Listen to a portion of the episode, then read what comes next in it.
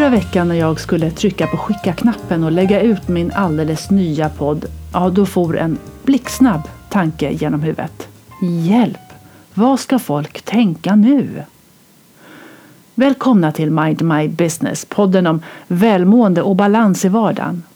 Jag som håller i podden heter Ulrika Danneryd Gustafsson och jag arbetar som coach och föreläsare i just vardagen.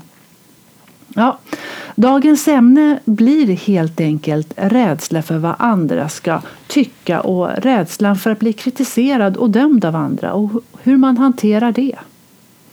Jag tycker att det är ett väldigt spännande ämne. Det är ett brett ämne men det är också ett ämne som de flesta av oss i någon form kan relatera till.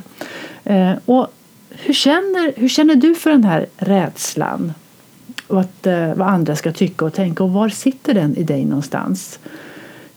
Visar den sig som en obehaglig känsla i magen? Kanske ett eh, obehagligt pirr? Eh, eller i form av ett lätt illamående? Eller kanske får du tankar som att inte skulle väl jag, nej men jag kan inte och vi hittar massor med ursäkter för att inte behöva utsätta oss. Och hörni, lite sunt inkännande för vad omgivningen eh, ger oss, höll jag på att säga, form av social kompetens, ja men det är väl en sak och den är bra. Men det tråkiga är ju att när rädslan för vad andra ska tycka och tänka hindrar oss från att eh, vara den vi vill vara och kanske framförallt göra det vi vill göra. Så rädsla, ja men jag tror vi, vi börjar där helt enkelt. Vad är rädsla? Ja men vi har ju rädsla Eh, tillgång till rädsla för att överleva. Kort och gott. Och precis som jag sa i förra avsnittet när jag pratade om att vi har ett belöningssystem för att vi ska överleva, det vill säga att vi ska äta och dricka, så är ju rädsla det också. För det är något vi ska känna vid hot eller riskfyllda situationer. Alltså kan man säga att rädslan i grund och botten är ett ursprungligt försvar. Pang, något händer, reagera, mm, överlev. Så vad är det då som händer i kroppen när det här händer? Jo, rädslan aktiverar hela vårt system kan man säga. Och med system då menar jag hjärnan och det så kallade autonoma nervsystemet. Det autonoma nervsystemet det är den del av oss som vi inte med viljan kan kontrollera. Som till exempel att hjärtat ska slå eller att vi ska andas Ja, kanske det vi försöker kontrollera idag det är att andas lugnare eller andas djupare. Det autonoma nervsystemet kontrollerar också de inre organen och att de ska fungera. Och när vi blir rädda, ja då slår hjärtat snabbare. Och andningen ökar. Och, ja, alternativt är ju att vi faktiskt håller andan Muskelgrupperna drar ihop sig och vi förbereder oss för vad vi kallar för flykt eller kamp. Vi står alltså i beredskap att reagera snabbt. Det är därför vi har systemet. Och eftersom blodet dras till de större muskelgrupperna så försvinner också blodet från huvudet och vi kan se, ja, aningens bleka ut om nosen. Men det må ju vara. Men blodet drar sig även tillbaka från hjärnan och gör att vi inte tänker lika smart som vi annars kanske skulle göra. Men, men hur som helst, när man tittar på rädsla från det här perspektivet så är det ju ett enastående system, eller hur? Men hjärnan gör ingen skillnad på om det är ett riktigt hot eller ett konstruerat hot, det vill säga ett hot som är sant eller påhittat. Oavsett så smälls det på med stresshormoner och musklerna spänns. Och går vi då lite till vardags och känner lite rädsla, och kanske inte rädsla men vi känner anspänning och oro och, och det här systemet är aktiverat. Och då blir ju syftet med återhämtning och behovet av att stilla oss och stilla det här systemet rätt tydligt, eller hur? Så visst känns det då lite frustrerande när vi tänker på att allt det här händer i kroppen bara för att vi känner rädsla för vad andra ska tycka och tänka och rädsla för att bli dömda. Om du tittar på dig själv, när kände du senast rädsla för vad andra skulle tycka och tänka? Var det kanske när du skulle hålla ett tal på en fest eller på ett bröllop? Var det inför en presentation? Kanske var det en budgetpresentation inför styrelsen? Eller var det kanske när du la ut ett Facebook-inlägg lite för snabbt för att det kändes roligt just då? Eller blev det så att du inte höll det där talet eller gjorde den där presentationen för att motståndet blev för stort? Tala inför folk. Det finns till och med namn på den rädslan. Lailofobi.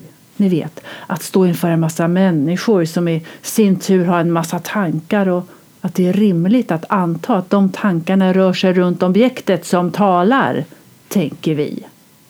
Men vad är det egentligen andra tänker om oss? Ja, ett exempel skulle kunna se ut så här. Och då använder jag ett jag-perspektiv för att försöka göra det lite tydligt. Låt oss eh, föreställa oss att jag, eh, privat eller på arbetsplatsen, har en person i min omgivning som jag upplever som gränslös.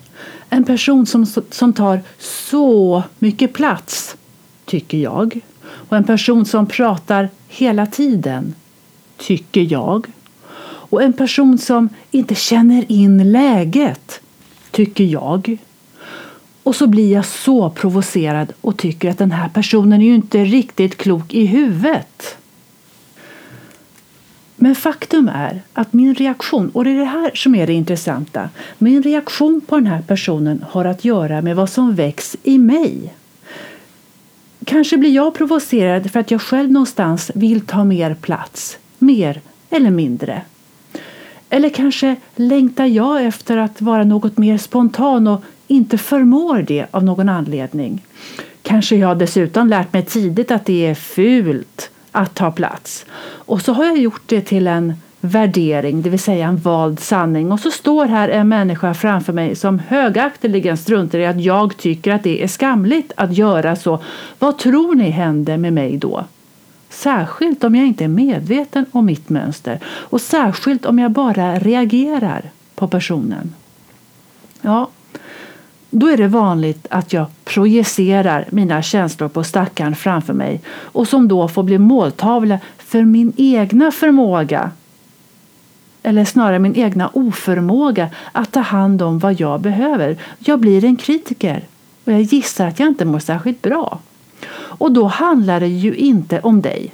Du som har något som du vill presentera eller du som har något du vill visa eller du som har något att bjuda på. Det handlar om mig. Och eftersom vi inte kan påverka andra, vi kan bara ändra oss själva, så kommer vi alltid få leva med att andra har åsikter om oss hela tiden och åsikter om vad vi gör. Så låt oss vara på det klara med att alla kan inte älska oss och alla kommer inte älska oss och vi älskar inte alla. Nej, och de orden har vi ju hört förut. Men hur orkar vi stå kvar i den här åsikts och kritikerstormen vi nu har hamnat i? Ja, vi kan eh, stärka vår självkänsla, ni vet. Självkänsla som handlar om vårt upplevda värde och vårt behov av att känna oss sedda och bekräftade av oss själva och av andra. Men makten att känna oss bekräftade lägger vi dessvärre ofta hos någon annan. Och vi känner vårt värde först när någon annan har gett det till oss. Det vill säga, vi lägger makten hos någon annan för oss att må bra. En grundad självkänsla handlar om att ta tillbaka den makten. Och jag hörde ett bra uttryck häromdagen. Det var reclaim your power. Ja, jag vet, samma sak fast på engelska, men det lät ju så bra. Och det betyder att vi inte behöver vänta på att någon annan ska ge oss existensberättigande. Vi gör det själva och vi gör det bra. En god självkänsla dessutom gör att vi inte blåser omkull lika lätt utan står mycket stadigare med båda fötterna i marken. Det gör oss dock inte immuna mot påhopp. Hörrni. Det gör oss inte immuna mot påhopp. Men självkänslan gör att vi inte blandar ihop vad som är mitt och vad som är ditt. Är ni med? En god själv, självkänsla hjälper till att sortera ut vad som har med mig att göra och vad som har med dig att göra. Och då behöver vi inte heller ta på, ta på oss någon annans dåliga självförtroende eller självkänsla och tro att det har med oss att göra och tro att det är fel på mig. Har jag dessutom arbetat upp min självkänsla så behöver jag inte heller ha rätt hela tiden. Jag kan bjuda på mina tillkortakommanden och jag står inte och faller med dem. Och jag kan dessutom bjuda på att jag tycker att någon annan är bra. Kanske till och med mycket bättre än vad jag är och jag mår inte sämre för det. Och när någon annan är riktigt bra så betyder ju det det vill säga att när vi, när vi tycker att någon annan är riktigt bra så betyder ju också det att vi ser någonting i den personen som jag ser i mig själv. Hörrni, det är ju inte bara våra tillkortakommanden som vi ser i andra, vi ser ju även våra styrkor. Det här verkar vi inte prata lika mycket om för då anses vi ju vara lite självgoda. Glöm det, säger jag. Se er styrka i andra och tillåt er att bli inspirerade. Så självkänslan, ja, det kan man ju säga då är ett vapen i kriget mot rädslan för att få kritik. Men det finns andra, ska vi kalla det för verktyg också. Och ett skulle då kunna vara spöken spricker solsken. Och den handlar om, ja, säg så här, inom retoriken.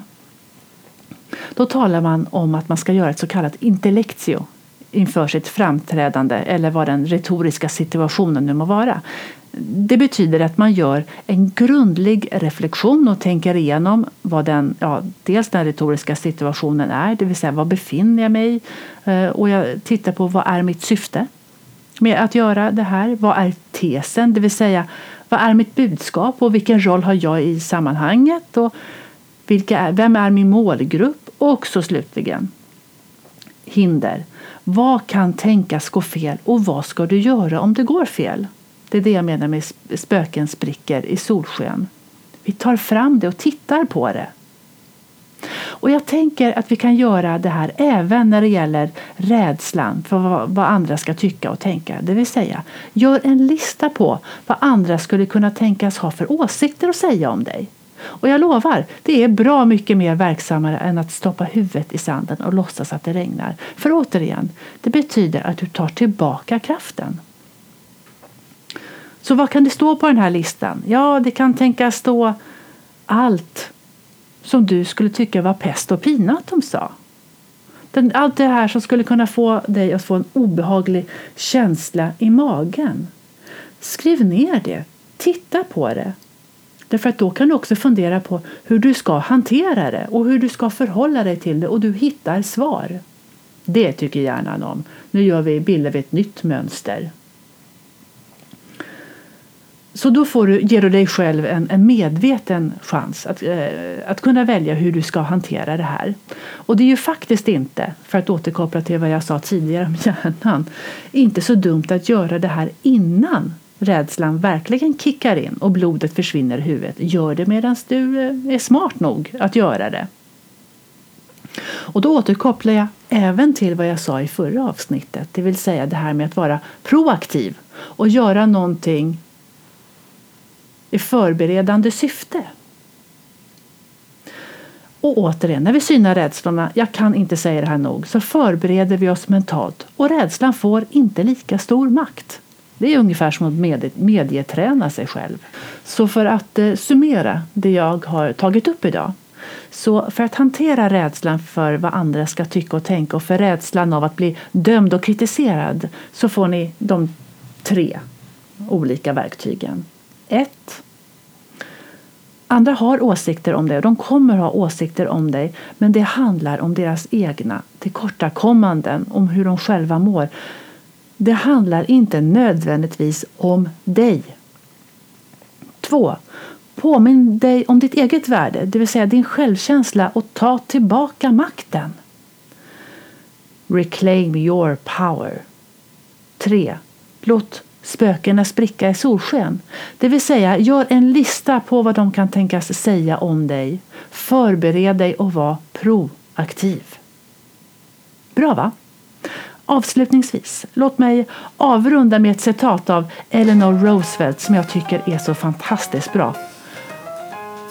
No one can make you feel inferior without your consent. Så ge det inte till dem. Ja, det var allt för idag. Tack så mycket för att ni lyssnade. Tyckte ni om det? Lajka, dela eller lyssna igen nästa vecka och ha det så jättebra tills dess. Hej då! Och ett litet PS. Vet ni vad jag gör nu? Nu klickar jag på knappen och bara skickar in min podd. Bara sådär.